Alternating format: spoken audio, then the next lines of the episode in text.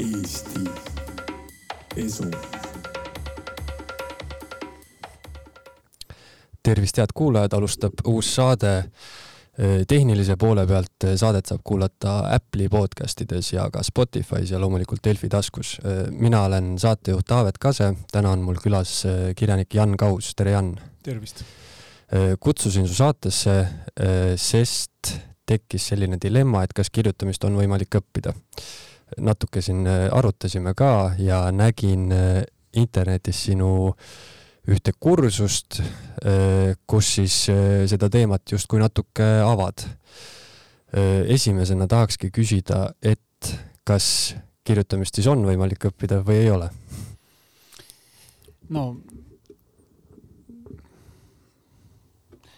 raske vastata, eks see sõltub konkreetselt inimesest. no üldiselt ongi asjadest raske rääkida seetõttu, et me vajame üldistusi selleks, et, et üksteisest kuidagi aru saada või et üleüldse üksteise poole pöörduda.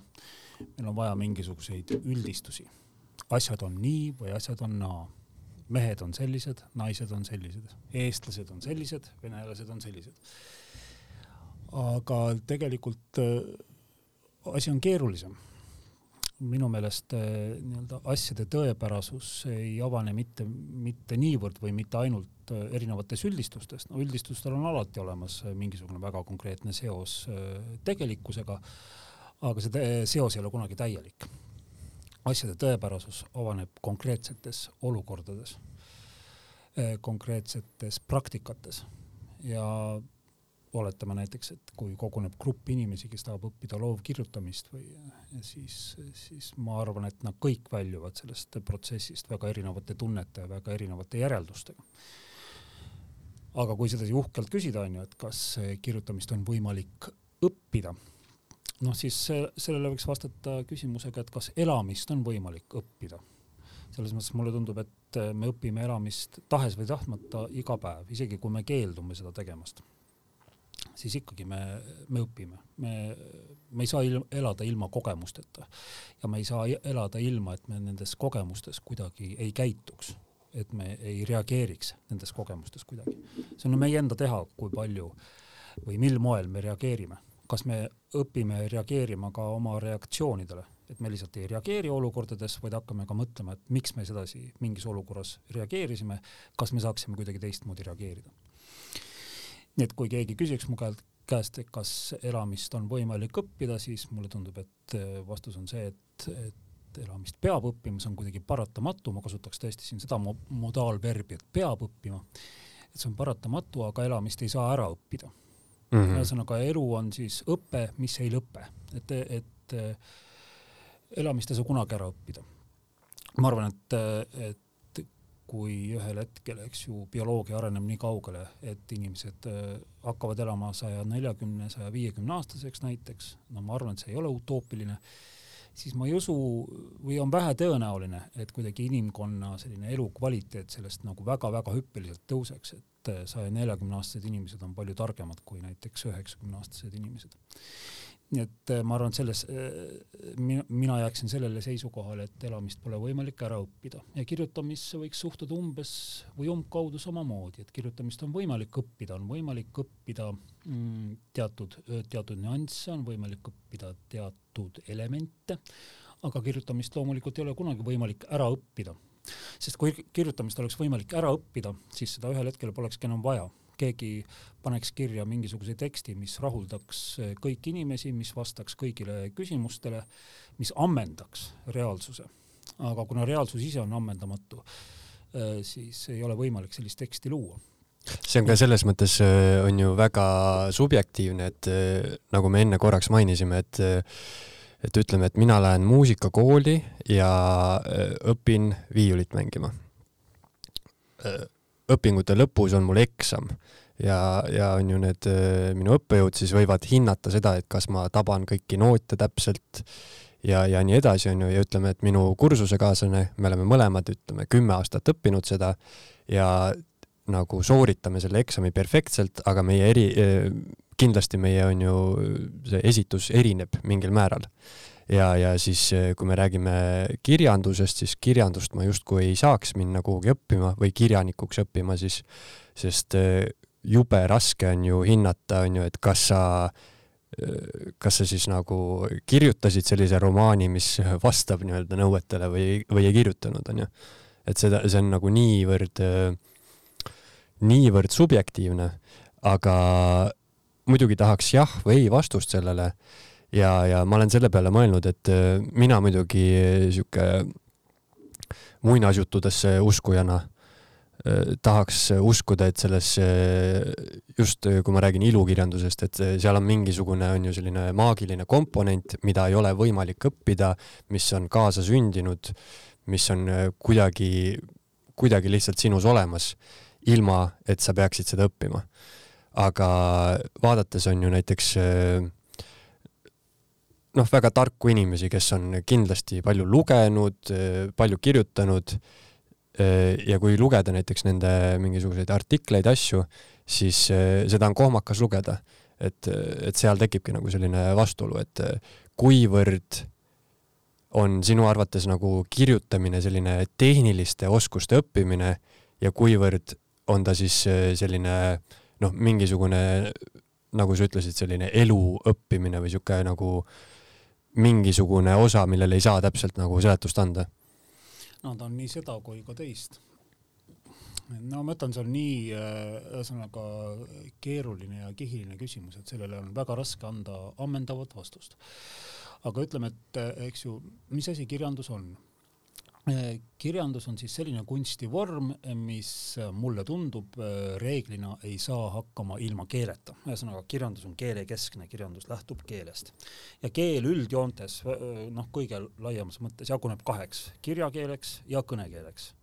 kõnekeel on siis see, mida meie siin praegu praktiseerime, aga seda mõjutab kirjakeel, eks kirjakeele reeglid, eks ju, et eh, kuidas näiteks eesti keeles eh, süntaks eh, käib, on ju, et seda me mingil moel järgime ka omavahelises vestluses. aga me pidevalt ikkagi kas tahes või tahtmata, intuitiivselt või tahtlikult ka muudame neid reegleid kõnekeelses olukorras. nii et kõnekeel ja ühes mõttes nagu on, ütleme, järgib kirjakeele reegleid, aga teiselt poolt jällegi sageli eirab igas konkreetses eh, kõnekeelses aktis, ta mingil määral eirab. no Tiit Ennost on seda minu arust väga lahedalt uurinud, et ta on näiteks võtnud mõne kirjaniku sellise suulise ettekande või noh, ütleme näiteks mingi vestlussituatsiooni ja siis selle pannud kirja sellisena, nagu ta suuliselt kõlab, siis seal ei ole saba ega sarvi tegelikult. et see, mis, mis meie praeguse vestluse teeb mm,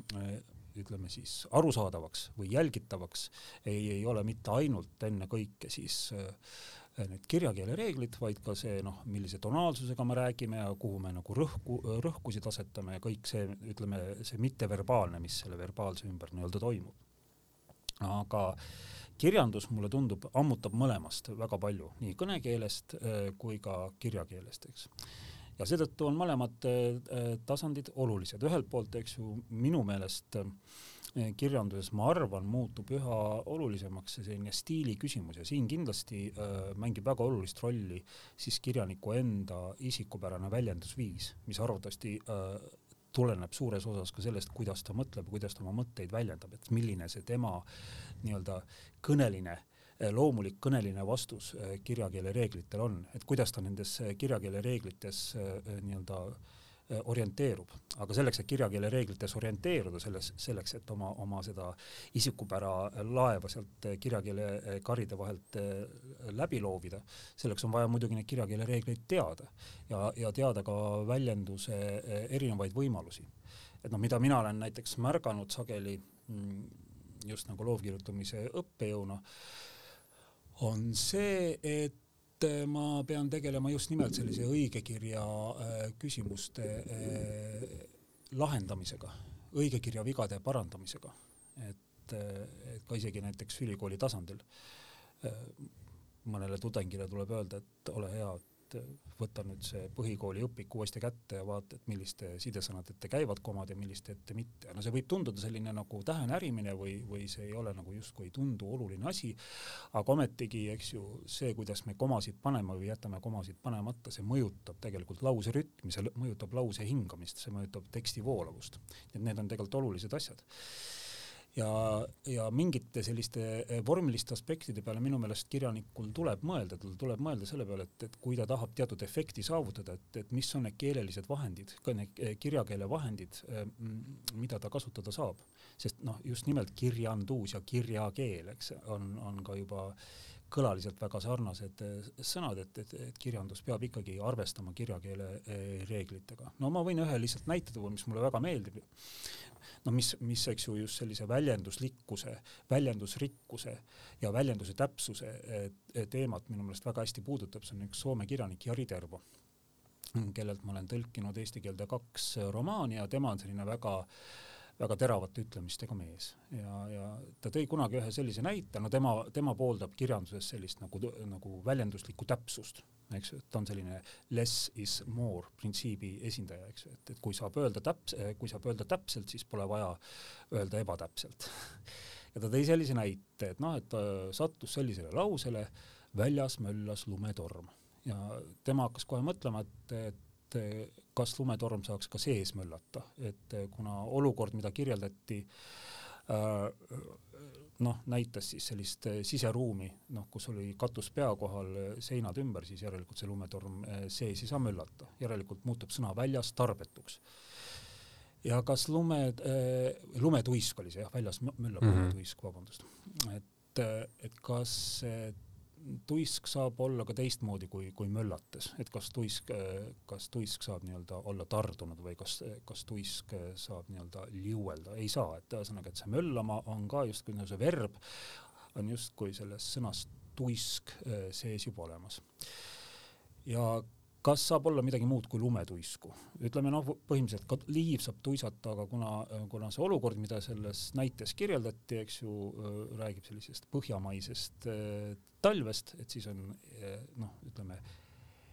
ilmselge, et kui kasutatakse mõistet tuisk, et siis, siis viidatakse lumetuisule. ja siis jäigi lausest. Tervo järeldus oligi see, et tema kasutaks, tema ütleks lihtsalt tuiskab ahah, okei okay., ma mõtlesin jah, et alguses, kui sa ütlesid, siis ma mõtlesingi, et lausest jääb järele ainult äh, lumetuisk, punkt. lihtsalt tuisk. Äh, no see on lihtsalt see äh, näide, et kuidas selle keele väljenduslikkuse peale peab pidevalt aktiivselt mõtlema, eks ju, kirjaniku jaoks ei ole keel ju mitte ainult vahend, vaid ka eesmärk. et ma pean pidevalt mõtlema, kas ma saaksin seda asja öelda veelgi täpsemalt, kas ma saaksin seda asja öelda veelgi väljendusrikkamalt, et, et need asjad minu meelest käivad siis, siis koos, ühesõnaga see isikupärane väljendusviis, see enda stiili otsimine ja samas, eks ju, keelereeg-, väga hea keelereeglite tundmine. selles osas ma olen täiesti nõus ja et ma olen äh, ise selline äh, keelefriik selles osas ja ka ortograafia friik, et äh, see vana reegel, et eh, selleks, et reegleid rikkuda, pead sa neid teadma, onju. et eh, see peab paika minu arust ka lauseehituses, et eh, et no mingisugused, no üks loomingulisemaid, loomingulisemaid siukseid keelemärke minu arust semikoolon,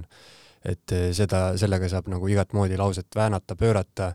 aga kui sa ei tea, kuhu komasid panna, onju, siis sa võid selle panna, noh, see minu arust jah, tuleb väga palju nagu abiks, onju, kirjutades, kui sa tunned täpselt, onju, et kuhu neid komasid panna, sa oskad lauset palju paremini ehitada. kuigi kindel on see, et eh, kõik kirjanikud ja kõik head kirjanikud eh, kindlasti ei tunne keelemärke nii hästi, onju eh, ja aga vaata, siin ongi, nüüd me liigume sellise, sellisesse valdkonda, mida ju reeglina väga palju ei äh,, ei käsitleta või mis jäetakse sageli pilgu alt välja. et toimetamine mm. -hmm. et üldiselt Eestis on äh, toimetamiskultuuriga lood nii ja naa, aeg-ajalt äh, väga kõrgel tasemel ja aeg-ajalt jällegi mitte nii kõrgel tasemel. ja ma ei mõtle seda, et, et toimetajad vältimata ise äh, teeksid ajuti nõrgemat tööd, vaid lihtsalt, et autorid ise ei usalda toimetajaid või autorid ise mm, mm, ei arva, et, et toimetamine on hädavajalik loomulikult võivad ka toimetajad eksida, ka toimetajad võivad märkamatult, eks ütleme siis nagu sellise õige keele või, või hea keele jälgimise piire ületada ja hakata sekkuma nii-öelda autori stiili ja noh, see ei ole muidugi, see ei ole minu meelest hea, aga üldjoontes igale autorile soovitaks nagu peaaegu et nagu oma, oma toimetajat, kes, kes, kes tajub autori isikupära, kes tajub seda tema sellist äh, oma keelt või seda oma stiili, et ta ei hakka seda stiili ründama, ta ei hakka seda stiili kuidagi püüdma mingitesse oma, oma nägemustesse suruma, eks ju, mingi oma nägemuse prokrustesse sängi seda sättima aga ta samas, eks ju, oskab autori nii-öelda nõrkusi, keelelisi nõrkusi elimineerida ja, ja, ja õpetada autorit neid ise nii-öelda märkama. nii et selles mõttes mul on tunne, et sageli paljude autorite raamatud teebki heaks hea toimetamine ja tõlgete puhul on see samamoodi. et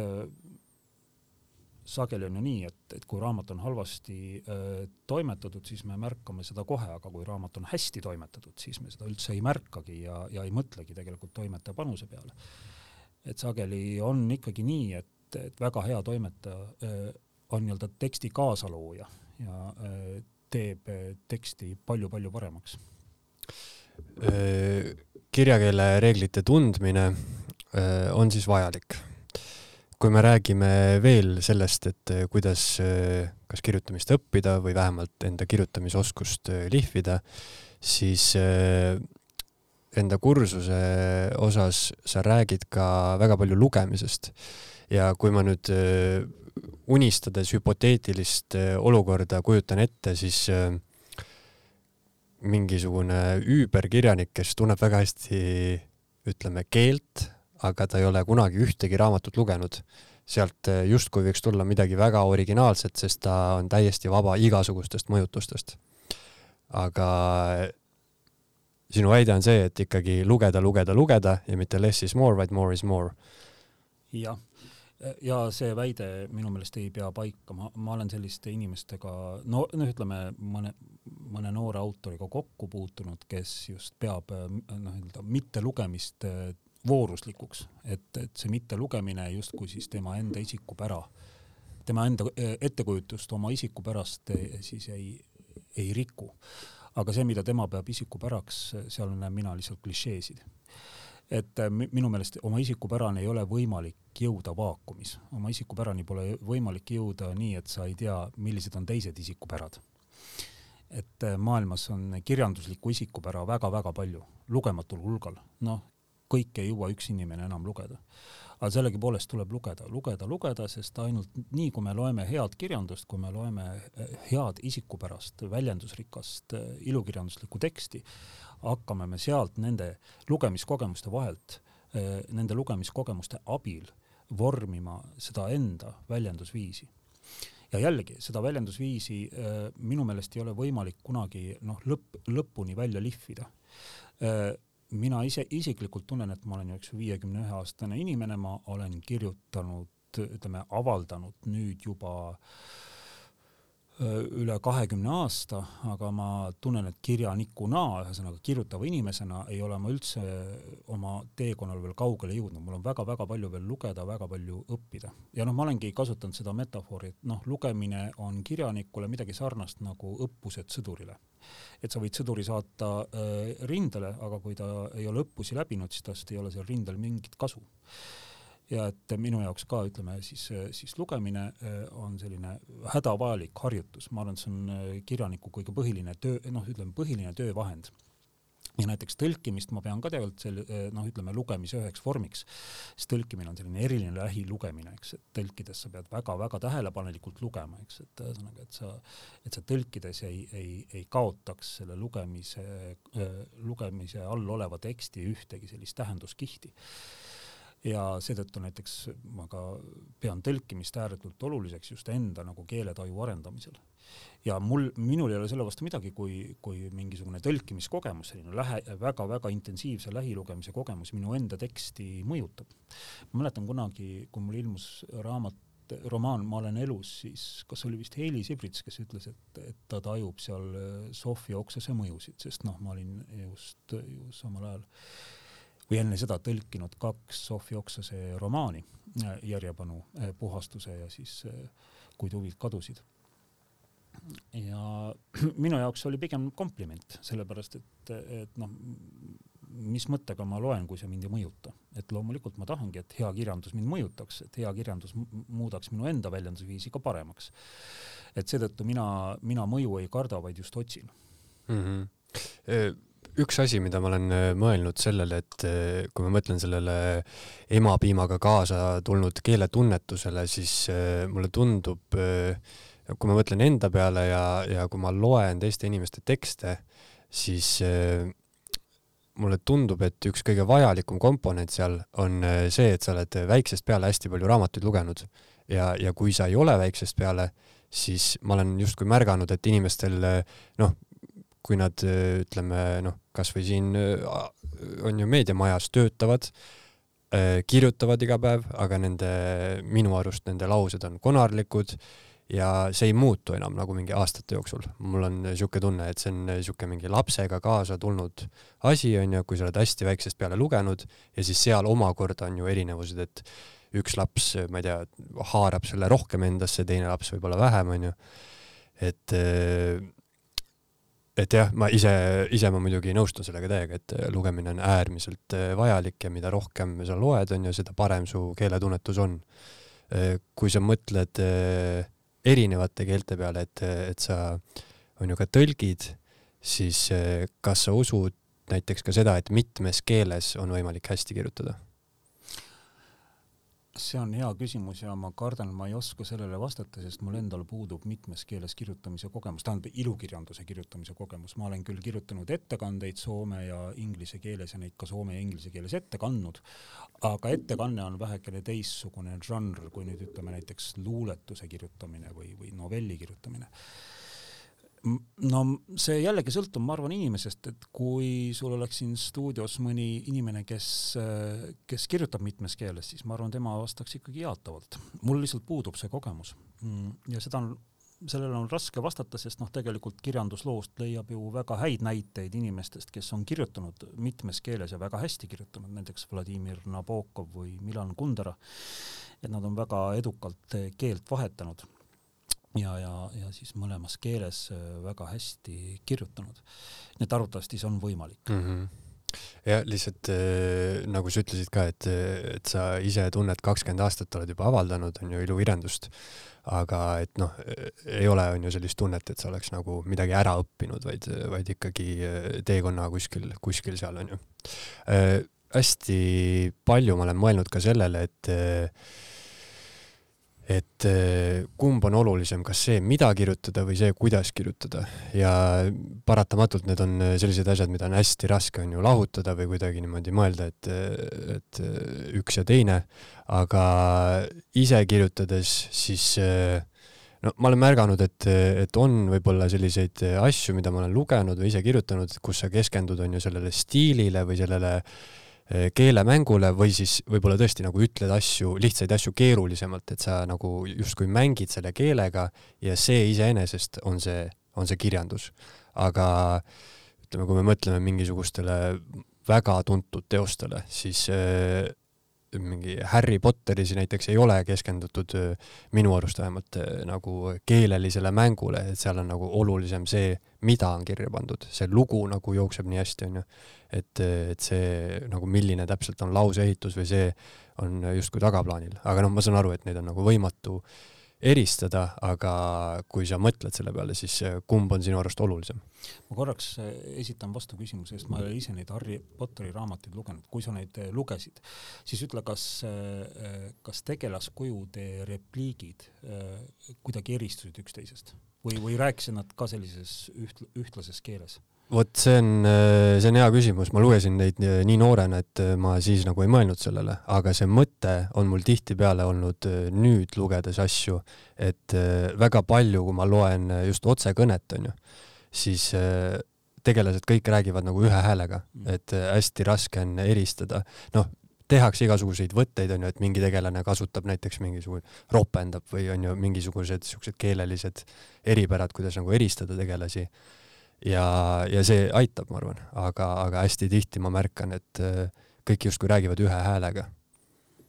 ja see on huvitav jah. no üldiselt see küsimus äh, kõlab nüüd küll praegu nii, et ma äh, arvatavasti suudaksin sellele üsna üheselt vastata või, või valida, valida välja just see kuidas küsimus, mulle tundub, et kuidas on siiski olulisem. ja ma arvan, et üks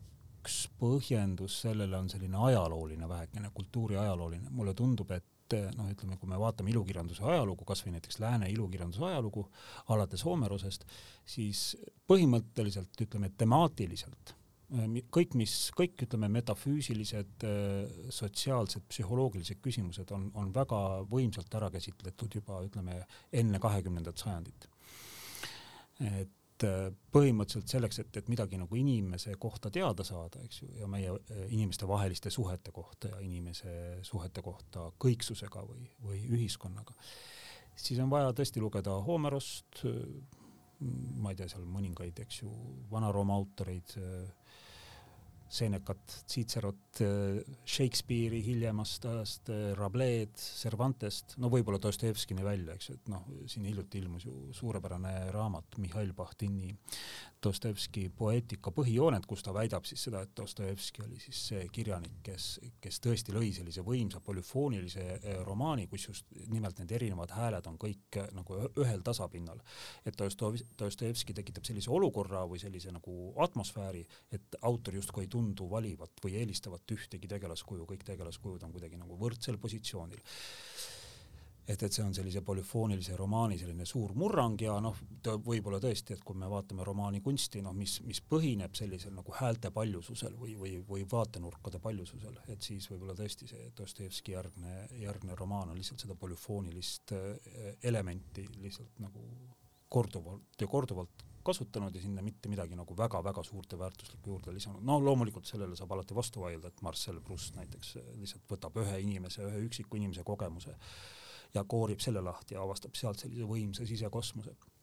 ja nii edasi. aga üldjoontes ja et, et, et kui me nüüd vaatame kasvõi kahe, kahekümnest esimest, kahekümne esimest sajandit, et noh, et siin midagi nagu suurt nagu väärtuslikku sisuliselt pole, pole lisada. aga äh, teisalt jällegi saab öelda, et, et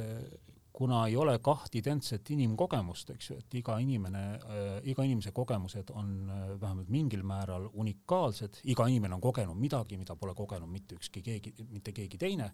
et siis põhimõtteliselt neid, seda kogemuste paljusust saab, saab kogu aeg juurde kirjutada, ühesõnaga. ja siin minu meelest muutub siis see kuidas küsimus ääretult oluliseks, et, et kuidas sa räägid nendest universaalsetest asjadest, millest on ju väga hästi väga paljude sajandite jooksul juba pikalt räägitud, eks ju, et kuidas sina suudad sinna oma selle unikaalse väljendusviisiga mingisuguse uue nüansi lisada, mingi uue väikese värvi, eks mingi uue väikese sellise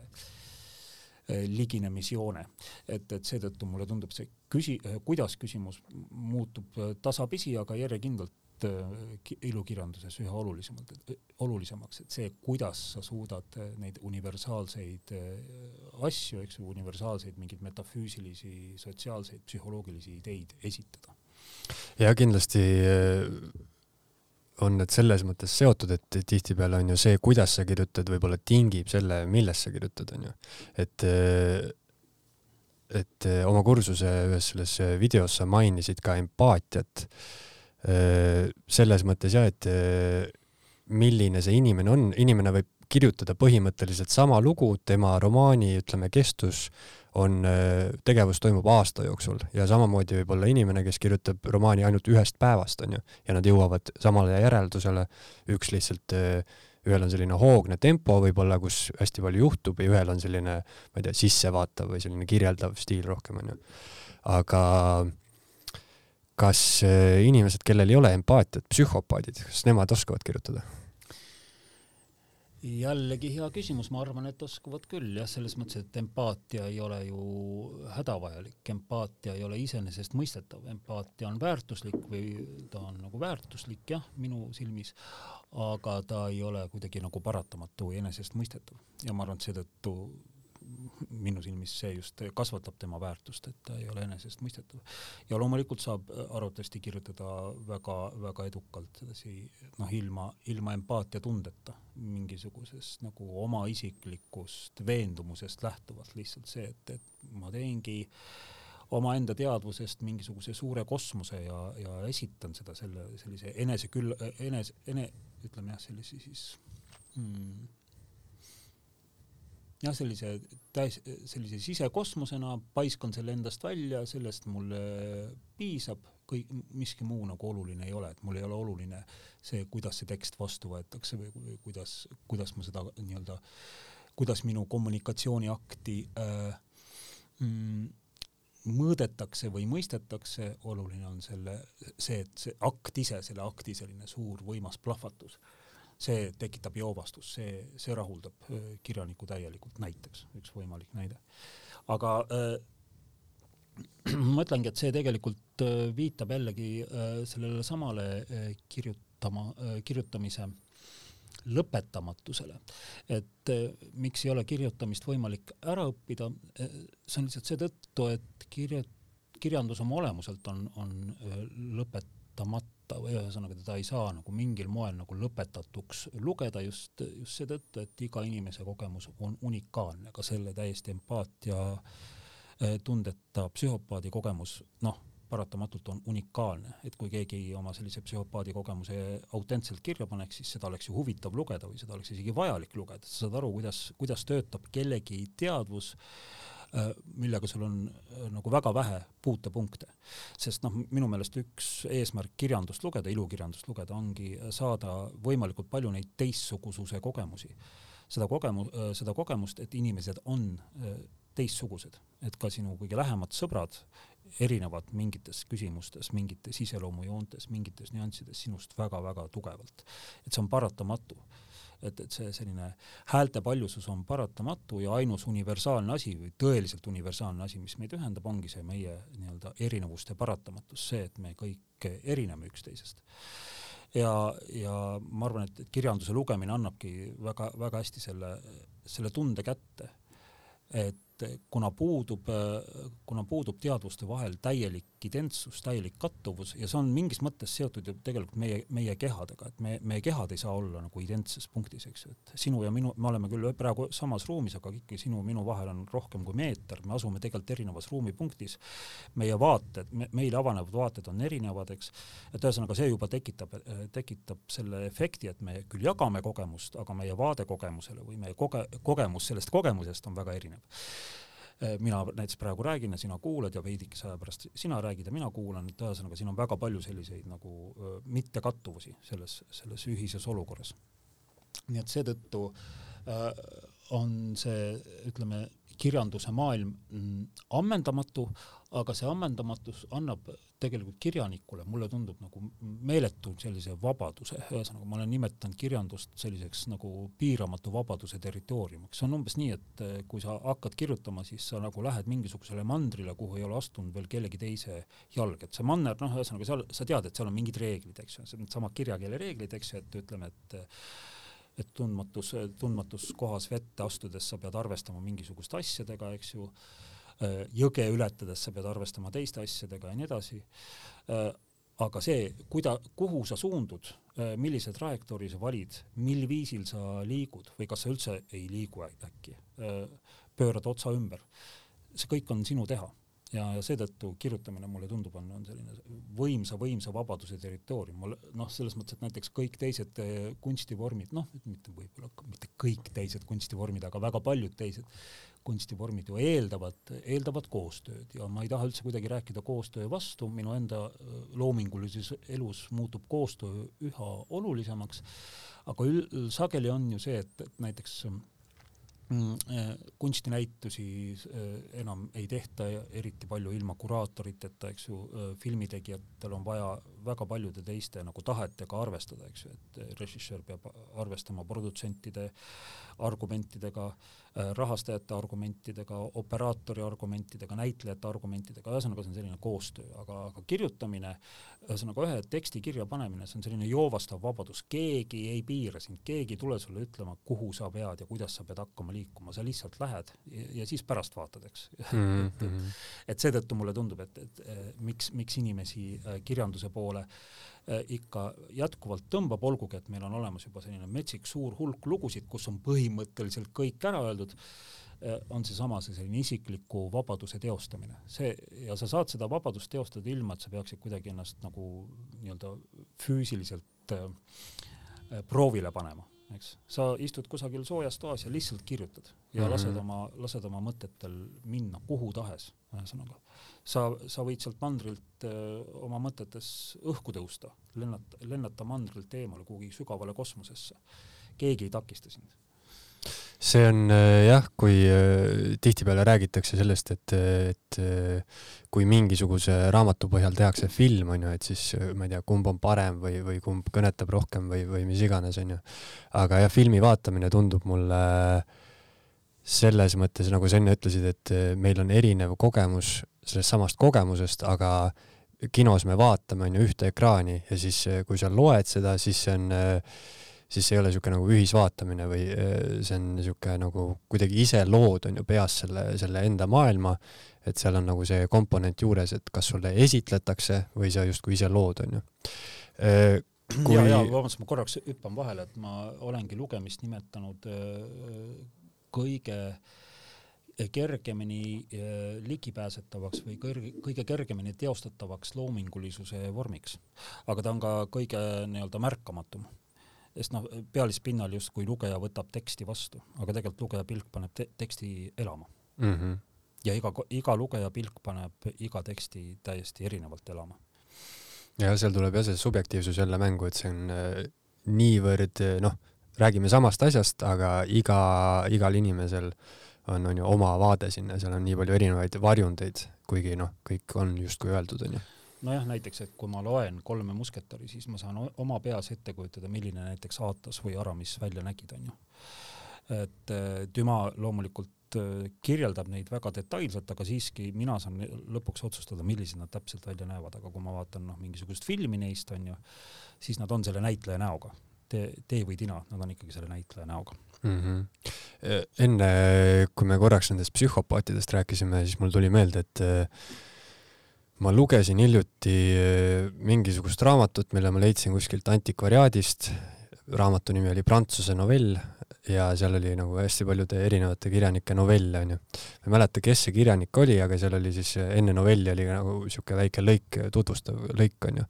ja keegi see oli, kes siis äh, alustas sellist äärmiselt objektiivset ja ilma kirjeldamata sellist stiili ja seal tema novellis oli kirjeldatud mingisugune stseen eskalaatoril seisvatest inimestest ja noh, see oligi siuke paariminutiline stseen, aga seda oli kirjeldatud hästi siukselt põhjalikult onju.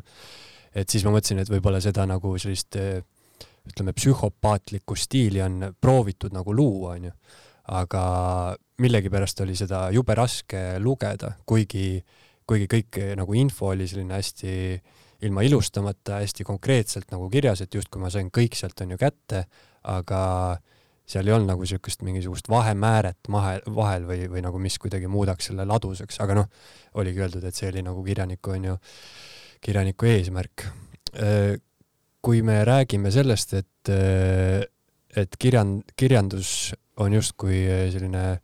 valikute noh, metsik vabadus on ju, siis eh, kunagi kuulasin mingisugust eh, loengut, kus jälle keegi rääkis teksapükstest, et, et kui sa lähed poodi ja sul on valida sada paari erinevaid teksapükse ja sa valid ühe neist ja lähed koju, siis sa oled palju õnnetum, kui sa lähed poodi ja seal on ainult üks paar teksapükse, sest siis sa tead, et sa said need kõige paremad, onju. et kui me räägime sinu konkreetsest kirjutamisprotsessist, et kas sul on vahepeal ka niimoodi, et et sa mõtled mingisugusele teemale või mingisugune märksõna on sul ees või sa tõesti hakkad nagu täiesti kuskilt eh, mingisugusest võib-olla mingist väiksest olukorrast või stseenist minema ja sul pole absoluutselt aimugi, kuhu, kuhu see välja jõuab? ma olen kirjutanud äh, nii ja naa et ma olen proovinud eh, erinevaid meetodeid erinevaid, erinevaid lähenemisviise. aga see sinu teksapoe metafoor, ma hakkasin selle peale mõtlema, et, et eh, kirjanduses eh, see päris ei päde, et kirjanduses sa saad muidugi minna po-, sa saad, eks ju, tekitada poe, kus on müügil sada teksapaari ja siis sa lähed ja valid sealt ühe ja oled pärast seda õnnetu. aga sa saad ka teks-, tekitada sellise versiooni, kus on sada teksapaari, sa valid ühe ja lähed koju ja oled õnnelik ja siis näiteks päeva pärast oled õnnetu mm. Mhm. või siis sa lähed äh, teksapoodi ja näed, seal on sada, sada paari müügil ja sa ei osta neid teks-, teksaseid, sa lähed koju ja unistad neist edasi. ühesõnaga, et sa, sa teed teadliku valiku, et neist lihtsalt unistada, et see on palju parem. et ühesõnaga mulle tundubki, et, et kirjanduses on sa sageli neid võimalusi palju rohkem, kui me sedasi ette, ette kujutame ja seetõttu mulle ka meeldib kirjutada tegelikult mingil määral intuitiivselt, aga näiteks see sõltub jällegi žanrist, sest mulle tundub, et näiteks novelli ei saa nagu intuitiivselt kirjutada, sa öö, oleks ikkagi hea teada novelli kirjutama asudes, millega novell lõpeb, eks, et oleks hea teada püanti. Loomulikult see, see, mis on siis nagu alguse ja püandi vahele, mis sinna jääb, see võib olla piirjoontelt ähmasem, aga üldjoontes novell eeldaks ikkagi sellist nagu lõpp-punkti. romaani puhul see lõpp-punkt ei pea olema niivõrd, niivõrd selge, eks ju, ta ei pea olema silme ees niivõrd täpselt, et romaani võib asuda, asuda kirjut-, asuda kirjutama sedasi, et, et suund on enam-vähem paigas. et üldjoontes jah, ma olen kirjutanud romaane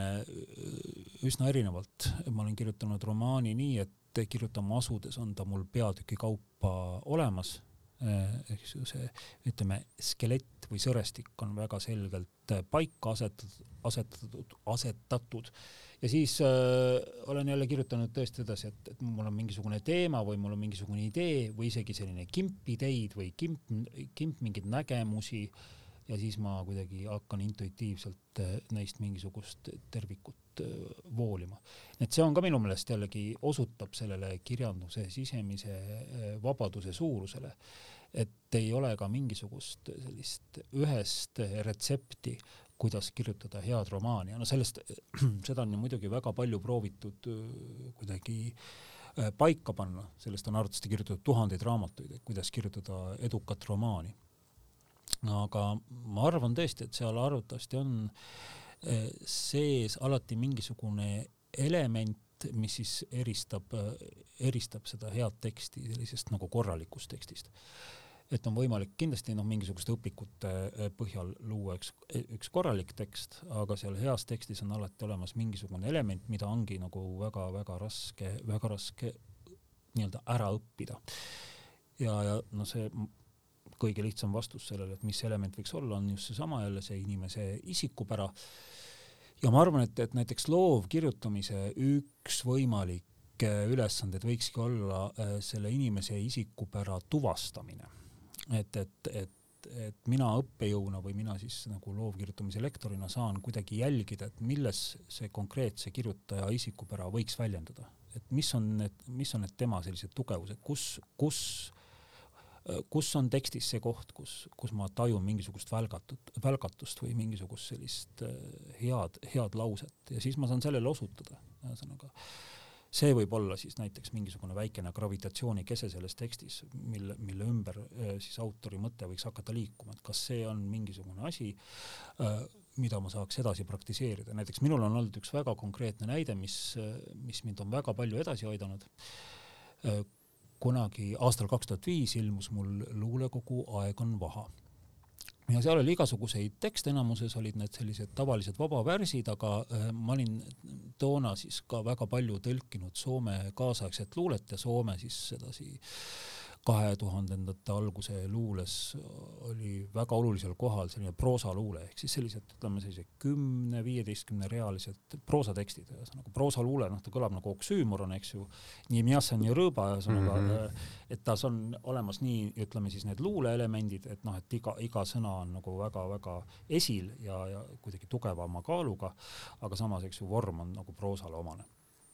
ja mulle see vorm väga meeldis või kuidagi tundus, et istub mulle ja ma proovisin ka paari nagu proosaluuletust kirjutada ja seal aeg on vaha, kogus on neid võib-olla siis mingisugune äkki kümmekond. Äh, ja Kalevi Keskküla äh, kirjutas sellest Aeg on vaha raamatust arvustuse, see arvustus oli nagu ütleme jahedavõitu. Mm, et kui ma seda arvustust lugesin, siis see loomulikult eriti ei meeldinud mulle, aga seal oli üks väga huvitav osutus, ütles, et äh, Kalev Keskküla siis ütles, üldjoontes nii, et äh, need Gausi äh, vabavärsid, et noh, nad on selline just nimelt sellised tavalised tekstid, eks. et äh, nad ei, nad ei paista millegi erilisega silma, aga et kui, kui Kaus kasutab seda nagu miniatuurivormi, no mida, mida ju Eestis nii tihedalt, vähemalt toona ei kasutatud kui, kui Soomes, et siis kuidagi tema isik, isikupära tuleb paremini edasi. ühesõnaga, et see vorm öö, mõjub tema isikupärasele, isikupärale hästi või ühesõnaga aitab seda kuidagi esile tuua või et ühesõnaga, et see vorm sobib mulle. ja siis ma hakkasin selle peale mõtlema, see, see väide kuidagi talletus minusse ja hakkas mus nii-öelda kuidagi juuri ajama ja siis kasvama ja siis nüüdseks ma olen ju avaldanud päris mitu miniatuuri kogu ja, ja noh, ühesõnaga Äh, mõned äh, kriitikud on nimetanud mind lausa miniatuurimeistriks, et ühesõnaga ma arvan, et siis see miniatuuri vorm just sobib mulle, et, et, et see mingisugune, ma sain selle oma, endale omase väljendusviisi äh, asetada mingisse väga kindlasse vormi, aga keegi osutas sellele, keegi nii-öelda aitas mind nii-öelda õigele rajale, et mina olen elu lõpuni Kalevi Keskkülale selle osutuse eest tänulik mm. -hmm. ma mõtlesin praegu sellele, et, et kumb on parem, ütleme, kui ma räägin äh, jah, et kas luulekogust või novellikogust või, või on ju tekstide hulgast, et ütleme, kui mul on novellikogu, kus on kümme novelli ja sellest kümnest on, üks on jõle hea ja teised on lihtsalt täielik kräpp, eh, on ju. Eh, kas see olukord on parem või on see, et mul on kümme enam-vähem nagu niisugust eh, viisakat novelli? aga jah, see tundub niisugune paradoksaalne olukord, et võib-olla äh, võib-olla siis keegi ei jõua selle ühe hea novellini, kui mul on näiteks, teeb raamatu lahti, mul on seal viis novelli, kõik on, ole jamad, onju. aga noh, muidugi see, see kirjanduse hindamine või see, see arvustus näiteks onju, sellega mul tuli see meelde, et see on noh, nagu me alguses rääkisimegi, et see on ju, et mis ma võin nagu teksti kohta öelda, et näiteks sina oled õppejõud, et kuidas hinnata, kas tekst on hea või halb mina näiteks on ju oskan öelda, kas see mulle meeldib või ei meeldi, aga see ei ole päris sama. jaa, aga mina vist ei hindagi seda, kas tekst on hea või halb, ma, ma püüan esile tuua äh, tekstide tugevusi. et mi, äh, milles see inimene on tugev, mis on nii-öelda see, see nüanss, mida, mida tasuks mm,, mida tasuks tähele panna või, või, või mille kaudu tasuks hakata nii-öelda siis nõrkusi vähendama. Et üldjoontes, kui inimesel on juba soov kirjutada, siis, siis väga harva noh, satun ma sellisele olukorrale, kus ma ei saa ühelegi nii-öelda tugevusele osutada, et et näiteks ka juba see, kui inimesel on mingisugune kirglik suhe kirjutamisse, on tegelikult, on tegelikult tugevus ja, ja ei saa välistada, ei saa välistada, et keegi, kes, kes üldjoontes on, on ütleme kirjutajana võib-olla siis ma ei tea, kümne inimese jaoks keskpärane, kümne hindaja jaoks keskpärane, et tal siis ei tekiks mingil hetkel mingisugust nagu sähvatust, mingi, mingi, mingisugust mingisugust ilusat mõjuvat tabamust. et seetõttu jah, hindamine on, on ääretult keeruline ja, ja mingil määral ma püüaksin sellest hoiduda, sest ma ei, ma ei näe enda tegevust mitte nii-öelda hindamisena, vaid kaasamõtlemisena et näiteks kui ma mõningate oma kolleegide ilukirjanduslikku teoseid ka äh, toimetan, et kui mind kaasatakse või palutakse teksti toimetama, siis ma näen ennast äh, pigem sellise kaasamõtlejana, mitte siis kuidagi sellise kohtuotsuse langetajana. ma, ma ei taha toimetada nii, et, äh, et ma justkui annan inimesele mõista, kuidas on õige ja kuidas on väär, sest äh, noh, vot sellesama novellikogu näitel võib öelda nii, et, et oletame, et sa loed seda novellikogu, sa näed, et seal on üks supernovell ja ülejäänud üheksa on jama ja siis sa küsid kelleltki teiselt, onju, et kuidas sinu kogemus oli, ta ütleb alguses, et tead, seal oli üks väga hea novell ja kõik ülejäänud üheksa olid jamad ja siis te avastate, et, et, et need head novellid teie meelest on hoopis erinevad mm. -hmm. et see, mis tema meelest äh, töötas veatult, liigitub sinu jaoks selle jama hulka ja vastupidi. nii et ühesõnaga see hindamine on, hindamisse tuleb ka alati suhtuda suure, suure ettevaatusega, sest nii nagu ütleme, nii nagu kirjandus on äh, nii-öelda jagunenud väga-väga erinevateks äh, väljendusviisideks, et kirjanduses, äh, kirjanduses, eks ju, valitseb paljusus, siis, siis valitseb paljusus ka kirjanduse mõistmises või kirjanduse mõtestamises. et ei ole enam sellist äh, ühest arusaama sellest, mis on hea kirjandus ja mis mitte. sest näiteks äh, mina olen mitmeid, mitmeid kordi kogenud sellist nagu tugevat äh, kognitiivset dissonantsi, et mingisugune tekst, mida üldjoontes hinnatakse siin Eestis näiteks, äh, ilukirjanduslik tekst, mida hinnatakse väga kõrgelt, mina ei saavuta selle tekstiga mingisugust sellist nagu positiivset kontakti. et ma näen seal just nimelt paljusid nõrkusi, aga neid, aga teised väga targad, intelligentsed inimesed neid nõrkusi ei taju ja see on selline väga huvitav kognitiivne dissonants, millega tuge, tuleb tegeleda, aga, aga kui ma nagu lähtun sellest samast, eks ju, teadvuste erinevuse tõsiasjast, siis te,, siis tegelikult probleemi ei ole et, et inimesed tajuvadki erinevaid tekste väga erinevalt ja see on kuidagi äh, paratamatu. et kindlasti on ka neid inimesi, kes on lugenud, ma ei tea, Andrus Kivirähki Rehepapp ja, ja leiavad, et see ei ole suurem asi tekst ja, ja sedasi tunda minu meelest on täiesti okei okay,, see ei ole nagu mingisugune probleem ja see ei vähenda Rehepapi väärtust. et, et äh, et no see on selline nagu äh, kuidagi kohustusliku kirjanduse mingisugune äh, ma ei tea, mingi must pilv, mis käib selle kohal, on ju, et, et sul on mingisugune teo sees, mis on valitud sinna selle kirjanduse hulka, on ju, sa tead, et see on hea, aga siis on nagu jube raske on seda lugeda või kuidagi, või noh, nagu räägitakse, on ju, et Tõde ja õigust on nii raske lugeda ja, ja et miks peab seda lugema, see on nii igav ja nii mõttetu. et siis noh, Tõe ja õigusega näiteks minul ei tekkinud seda, seda tunnet, on ju, kui ma keskkoolis seda lugesin aga, aga mingisugust, ma ei tea, maailmakirjandust mingi tippude asjadega on mul küll olnud, et, et justkui sa nagu noh, oled kuulnud, et see on hea, onju, võib-olla isegi saad nagu teksti lugedes aru, et jah, et nagu ilusti, korrektselt või nagu hästi on kirjutatud, aga absoluutselt nagu ei meeldi lihtsalt. siin on üks võimalus seda dilemmat käsitleda, on, on see ajat kohtu ja ajastu nii-öelda vastuolu või isegi mitte vastuolu, vaid see, et, et, et heas kirjandusteoses on alati olemas see, see, mis aitab tal asetuda mingisse kindlasse ajastusse, eks ju, et kui me, kui me näiteks loeme Balzaci romaane, siis me saame aru, et ta, et ta kirjeldab, eks ju, üheksateistkümnenda sajandi Pariisi elu, eks, või, või üheksateistkümnenda sajandi Prantsuse provintsielu. seal on need elemendid väga selgelt olemas, eks, mingisugused elemendid, mida, mida noh, meie siin praegu kahekümne esimese sajandi alguse Eestis enam ei kasuta või mis ei ole meie jaoks aktuaalsed. aga miks tasub Balzaci lugeda, on see, et, et äh, tema romaanides on olemas ka ju äh, nii-öelda ajastu ülesed elemendid, äh, ajatud teemad eks temagi eh, romaanide tegelased eh, püüavad leida mõistmist ja kardavad üksindust ja püüavad üksteisel nahka üle kõrvade tõmmata ja püüavad saada ühiskonnas paremat positsiooni. kõik samad asjad on ju meil ka siin olemas.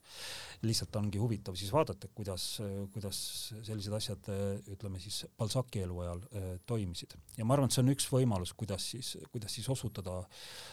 sellele, et, et raske tekst võib tegelikult sisaldada teemasid, mis ütlevad üht-teist ka meie elu kohta. et noh, põhimõtteliselt ma olen ju üldjoontes nõus, äh, kunagi oli, eks ju, selline ansambel nagu The Smiths, ähm, neil oli äh, selline laul nagu Panic, äh, kus siis Morrissey kutsus üle, üles siis pooma üles diskoreid, kuna nad ei ütle midagi minu enda elu kohta. et noh, see, see on tegelikult väga oluline, et raamat ütleks midagi minu enda elu kohta esimesel pilgul võib tõesti nagu siis tunduda, et noh, näiteks, et mida võiks öelda, ma ei tea, Cervantes, et ongi ott minu elu kohta. aga, aga noh, minu arust juba selle raamatu esimesed leheküljed ütlevad väga palju meie enda elu kohta, et ütleme, võiks sedasi julgelt isegi väita, et see, mis toimub äh, vaese äh, Don Quixote'iga, kui ta hakkab lugema selliseid äh, ebarealistlikke elust irdu rüütliromaane ja keerab ära ja hakkab, hakkab kujutlema asju, noh, mida ei eksisteeri, ühesõnaga ta kaotab kontakti reaalsusega, siis midagi taolist, millegi taolise mõjuväljas elame meie ju praegu väga-väga teravalt ja väga-väga valusalt, eks ju. et on mingisugused inimesed, kes on nagu kujutanud ette, et, et nende saatuseks on nii-öelda ühendada äh, ühendada slaavi rahvad ja, ja nad lähtuvad mingisugusest eh, kujutlusest, millel ei ole tegelikult reaalsusega väga suuri kokkupuutepunkte mm. -hmm. ja, ja see kujutlus tegelikult eh, mõjutab väga-väga tugevalt reaalsust. nii et selles mõttes mulle tundub, et, et kui lähtuda või li, ligineda klassikalisele kirjandusele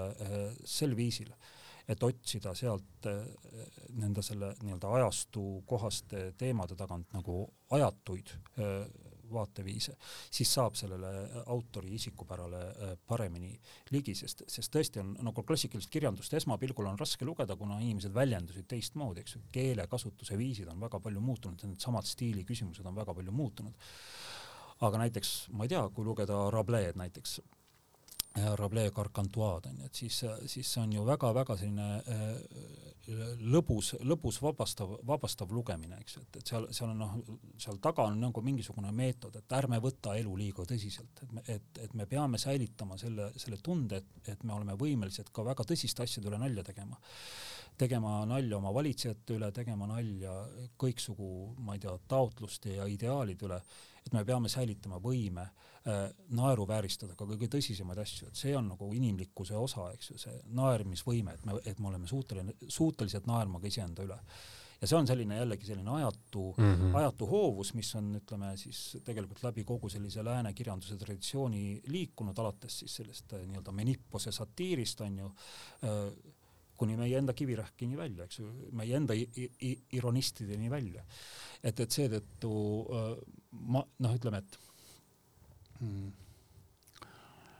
Et seetõttu ma nagu väga-väga hindan eh, klassikalist kirjandust, et, et, et mina näiteks naudin seda raskust, ma naudin seda, et mul on raske eh, te tekstiga kohandada, sest see on jälle seesama teistsugususe kogemus, keegi on väljendanud ennast niivõrd teistmoodi, keegi on väljendanud ennast niivõrd teisel viisil, aga siis, kui sa, eks ju, lõpuks korraga saad aru, et sa oled seal sees, sa oled selles teistsugususes sees, eh, sa oled selle teistsuguse kogemuse äh, omaks saanud ja sa oled ise selle teistsuguse kogemuse osa, siis see on jällegi väga vabastav ja see on kuidagi väga kergendav. nii et äh, mina, mina igatahes kutsun üles raskeid tekste lugema või ühesõnaga minu arust see raskus ongi kuidagi äh, ihaldusväärne isegi. et, et saada, saada äh, lähedane kogemus millegagi, mis tundub nagu väga raskesti ligipääsetav. et sa lähed, sa lähed kuhugi sellisesse kohta, kuhu väga vähesed on juurde pääsenud no see on umbes nagu, eks ju, matkamisega et, et lähed mingisugusesse kohta, kuhu väga pähe, vähesed on pääsenud, siis on ikkagi nagu kuidagi eriline tunne. Ja, ja minu arust sellise teise inimese teadvusse, teadvuse ligipääsemine on väga-väga-väga äge, et, et see, seetõttu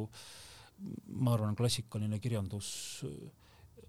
aitab meie nagu või ütleme siis minu, ma loodan minu teadvust nagu eriti hästi avardada. Mm. -hmm sa mainisid Balzac'i, siis mul tuli meelde, et kunagi lugesin Balzaci elulugu vist, keegi oli selle, jälle ma ei mäleta, onju, keegi oli kirja pannud, Mehis Heinsäärvel soovitas mulle seda. Ja see oli uskumatu, milline töövõime oli Balzacil nagu produktiivsuse mõttes onju ja, ja mis crazy elu tal oli. aga ja sellest tulenevalt eh, ma tahaks küsida, milline on sinu eh, kirjutamisprotsess, et sa enne ütlesid, et sellest, kuidas kirjutada head romaani, on, on väga palju raamatuid ja väga palju arvamusi ja hästi palju räägitakse kirjanduses ka siuksest, see on nagu huvitav inimestel kuulda, et kuidas kirjanikud kirjutavad, mis kellpäeval, kas iga päev või tuleb see mingisuguste pahvakutena. kuidas sinu kirjutamine välja näeb? No üldiselt jah,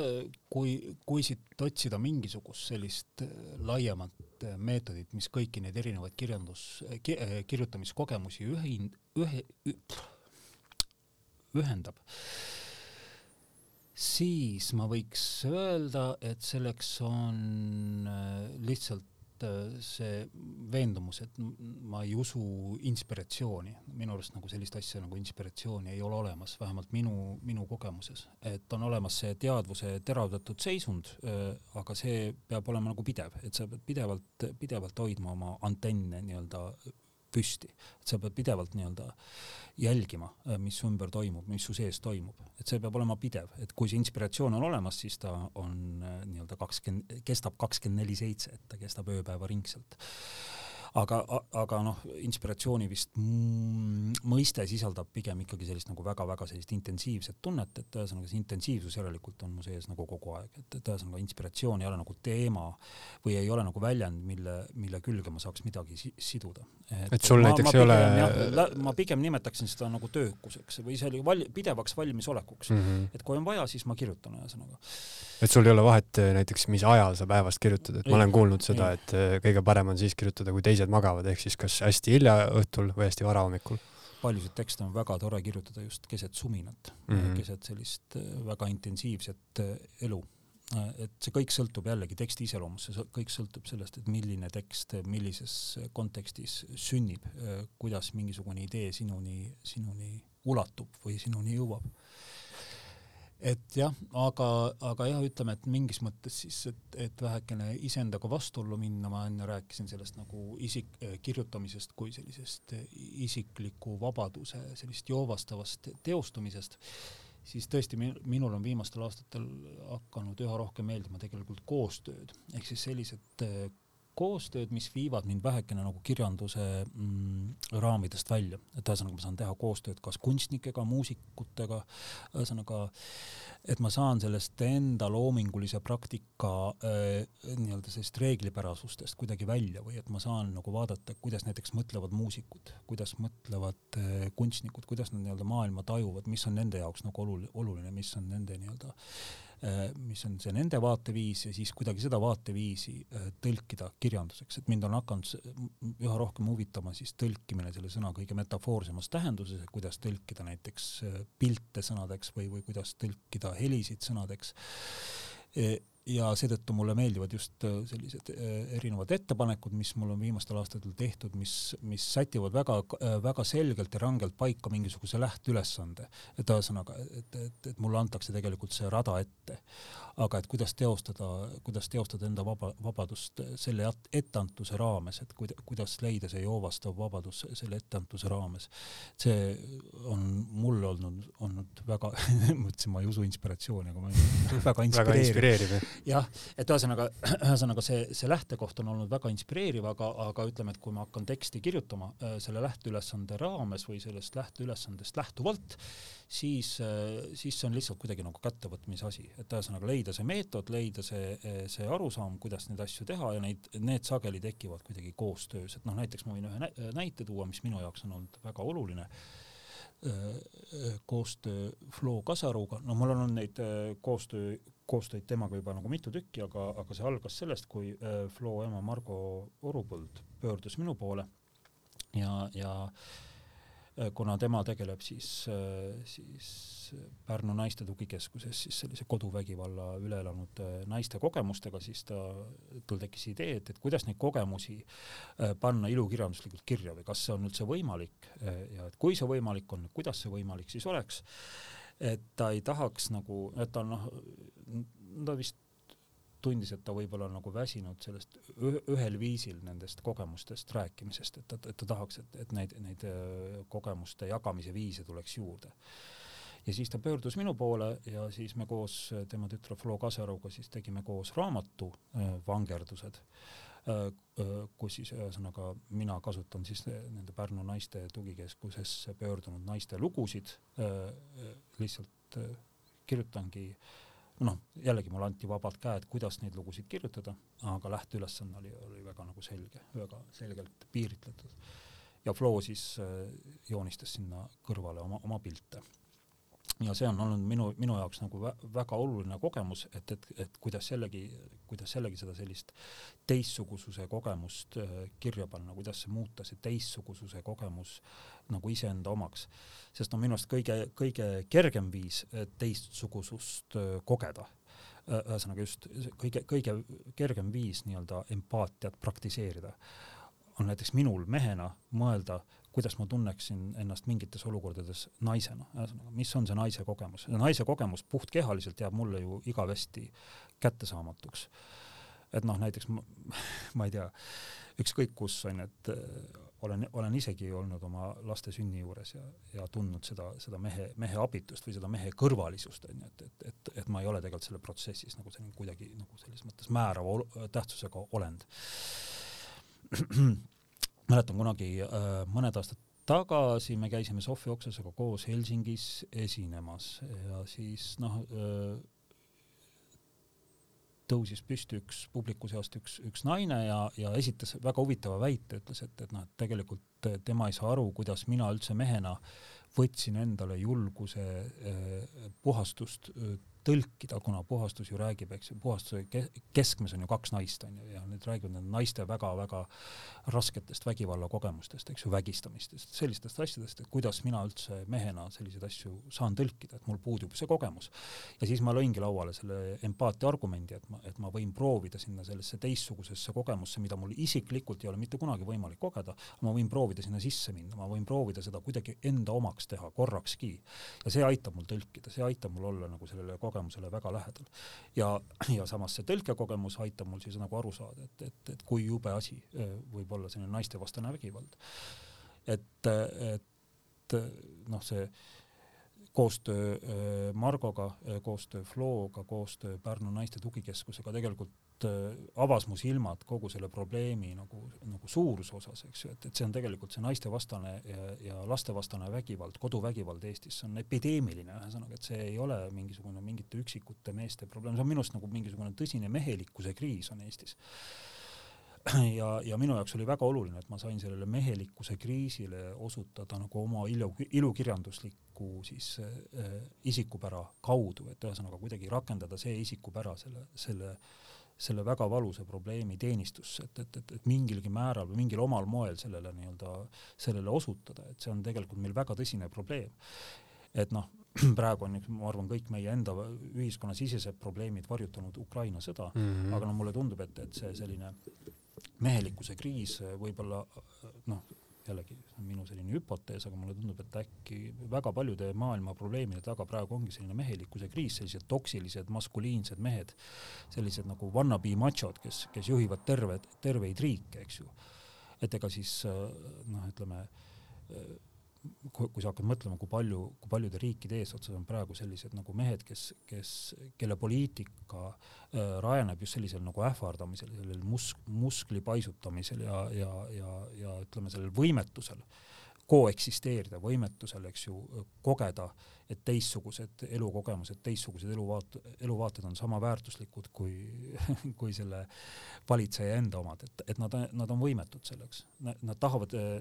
nad tahavad reaalsust kontrollida. ja, ja soov reaalsust kontrollida on juba nagu eos tegelikult ebaõnnestuv asi, kellelgi ei ole võimalik reaalsust kontrollida, reaalsus on kontrollimatu, reaalsus on ennustamatu, ühesõnaga kui sa, kui sa tahad reaalsust kontrollida, sa lased nagu džinni pudelist välja, aga see džinn ümbritseb sind igalt poolt, onju. et, et selles mõttes ma ei taha nüüd nagu väita, et, et, et see selline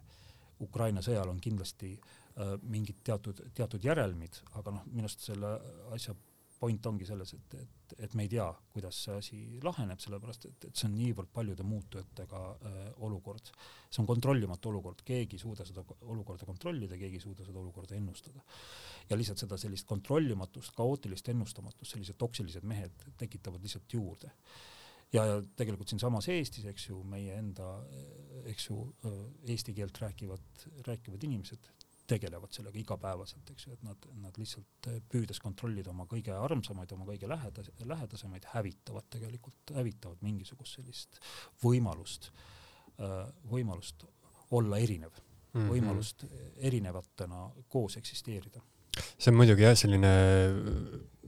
hästi mingi lihtsustatud arusaam, et äh, ma ei tea, mis see täpselt see Eesti mingi vanasõna on, aga et, et umbes, et kõige kõige valjum koer ei hammusta või see, kes äh, lärtsub kõige kõvemini, onju, et see tegelikult äh, ei hammusta. siis kunagi lugesin mingisugust äh, mingit alfa ja beeta isaste mingit teooriat ja seal oli välja toodud, et kui sa vaatad neid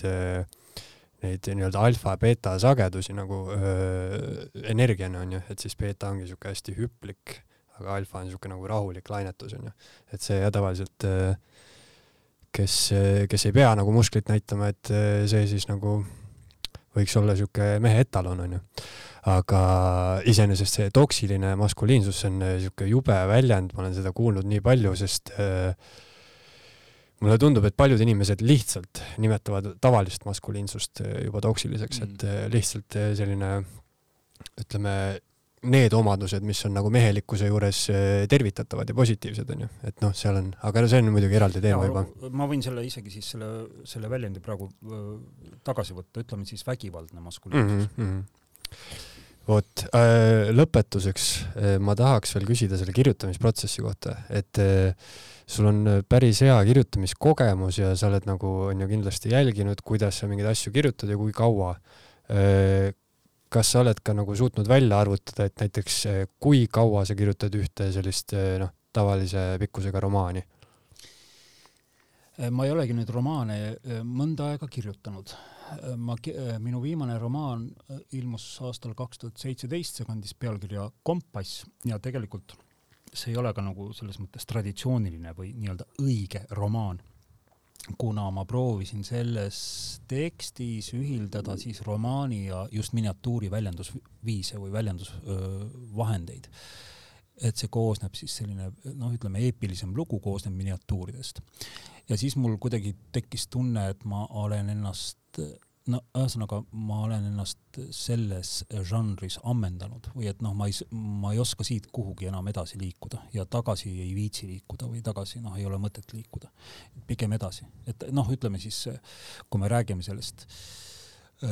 kasutame seda metafoori, et, et kirjandus on selline suur vabaduse manner, et siis ma lihtsalt jõudsin sinna mandri piirini selles osas. aga ma pöörasin tagasi ja läksin hoopis mingit teisi radu pidi, mis mind praegu palju rohkem äh, huvitavad, aga et noh, et romaan jah, nende hulka praegu ei kuulu, ei ole juba nüüd viis-kuus aastat kuulunud, et just nimelt see selline äh, uute väljendusviiside otsimine minu jaoks on muutunud üha olulisemaks just kirjanduse elav esitamine.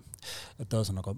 ma olen ka selle hüpoteesi püstitanud, et noh, seoses postdramaatilise teatri pealetulekuga, et siis ütleme siis kasvõi siin Eestis, eks ju, teater hakkas vaikselt nii-öelda kirjandusest eemalduma. et loomulikult noh, suur osa teatrist vajab kirjandust, eks ju, ta kasutab, eks ju äh,, kirjandust nii-öelda selle alusmaterjalina, mille, mille peale siis äh, lavastusi äh, luuakse aga ütleme, et siis jah, selline suur, suur pööre teatris, mille näiteks Von Krahl ja No üheksakümmend üheksa kaasa tõid, eks ju, et siis see nagu näitas sellist teatrivõimalust, kus noh, ütleme, et, et ei pea enam mingist kindlast ilukirjanduslikust tekstist lähtuma või et, et see ei pea enam olema äh, lavastuse alus, vaid et ühesõnaga ta on lihtsalt üks lavastuse komponente või, või teda üldse ei ole isegi ja siis mulle tundub, et, et kirjanduses on, on jällegi toimumas mingisugune vastupidine eh, liikumine või vähemalt mina tahan seda liikumist tekitada. Eh, just nimelt selline eh, kirjanduse väike, noh, mitte teatraliseerumine otseselt, aga ütleme, et kirjanduse nihkumine esituskunstidele lähemale ja just seetõttu, et noh, ütleme, mis on see äh, üks põhilisi öö, mm, ütlusi praegu kirjanduse kohta, et mul pole aega lugeda. eks, et, et noh, tõesti, kirjandus on aeglus ja kunstkirjandus, eks ju, eeldab aeglust. mul on endal praegu kotis John Steinbecki see Hommikupool Edenit, eks ju, mis on seitsesada lehekülge, seda sa ei loe kahe tunniga läbi, eks. et väga hea eepilise filmi sa vaatad ära kahe tunniga mm, -hmm. väga vägeva, ütleme, ütleme, et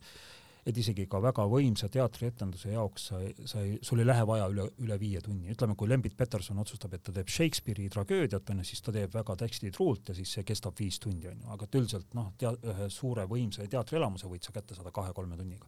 aga te sellist võimsat romaani sa ikkagi kahe-kolme tunniga läbi ei loe, sa ei loe Le Tolstoi Sõda ja rahu ikkagi vajab mitut nädalat, eks mm -hmm. sageli. nii,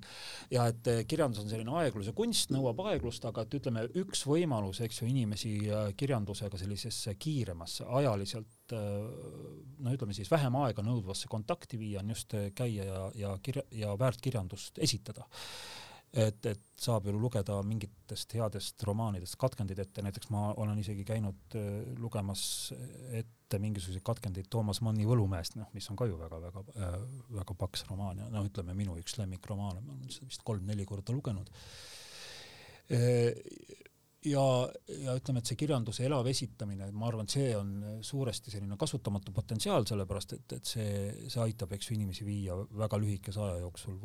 võib tekitada väga sellise äh, intensiivse äh, intensiivse suhte mingisuguse väga hea tekstiga, eks, et äh, mul on alati väga hea meel, kui pärast mõnda minu avalikku esine-, esinemist tulevad inimesed minult ja küsivad, et noh, et kas ma võin vaadata, mis raamatust sa ette lugesid? Ja kirjutavad selle raamatu pealkirja üles ja kirjutavad autori nime üles, noh näiteks eile ma käisin tegelikult ühel koolitusel esi, esi, esinemas, tegin loovkirjutamise koolitust ja lugesin ka erinevaid asju ette ja noh, näiteks lugesin ette ühte poetessi, kes mulle väga-väga meeldib, Vislava Zimborska, üks Poola luuletajanna, kes on pälvinud ka Nobeli preemia ja, ja noh, väga sageli, kui ma Simborskat ette luge-, loen, siis inimesed tulevad pärast küsima, et noh, nad ei olnud Simborskast enne teadlik, teadlikud, aga nüüd küsivad, kirjutavad raamatu pealkirja üles, kirjutavad autori nime üles ja mina saan sedakaudu väärtkirjandust nii-öelda levitada, ma saan aidata kaasa sellele, et, et inimesed saavad mingitest asjadest teadlikuks. no kui filmidel on, on ju treilerid, siis võib-olla sihuke elav esitamine on äh, raamatu sihuke treiler või noh, mingisuguse väikse on ju. see on väga hea võrdlus jah, just nimelt, et ma olen see treileri mees mm. -hmm. et äh, et üldjoontes jah, et see on muutunud, see e, kirjanduse elav esitamine on seetõttu mulle muutunud üha olulisemaks. ja seal on jällegi mänguvõimalused ääretult laiad, sellepärast et, et kui sa kirjandust esitad, siis muut-, e, siis ju äh, ei ole oluline enam ainult äh, teksti sisu, see on loomulikult jätkuvalt oluline ja sellele sa pead keskenduma esinejana või esitajana, aga sa saad kasutada ka kõiki esinemisega seonduvaid siis võimalusi žeste, näoilmeid, ühesõnaga mm, tonaalsust saad luua mingisuguse oma, oma rütmi, ühesõnaga see, ütleme siis selle esitaja tõlgendus muutub ka nagu sama oluliseks kui siis see tõlgendatav materjal. ja siin ma näen nagu väga suur, väga suuri võimalusi äh, esitada seda siis, kuidas ütelda, ilmekalt mm -hmm. häid, mhm. häid ilukirjanduslikke tekste, mis siis annavad võimalusi inimestel, inimestel noh, mingisugustest uutest autoritest, uutest äh, tekstidest teadlikuks saada ja noh, sedasi väga vahetult, väga väi-, väikese aja jooksul, eks. no see, mulle tundub, et äh et äh, see on kuskil seal, äh, põhjused on võib-olla ka selles, et äh, et kuna aega ei ole, siis on ju ka väga populaarsed noh, need podcast'id või audioraamatud on ju, mida meiegi siin teeme, et, et sa saad on ju muid asju teha samal ajal ja siis seal, kui keegi sulle loeb ette, siis on samamoodi, et seal on nagu noh, muud faktorid juba tulevad mängu, on ju, toon ja, ja tempo ja, ja mis iganes, on ju aga me peame kahjuks lõpetama, Jan. Suur aitäh sulle, et, et said tulla ja, ja rääkida kirjandusest. suur aitäh kutsumast. Eesti Esu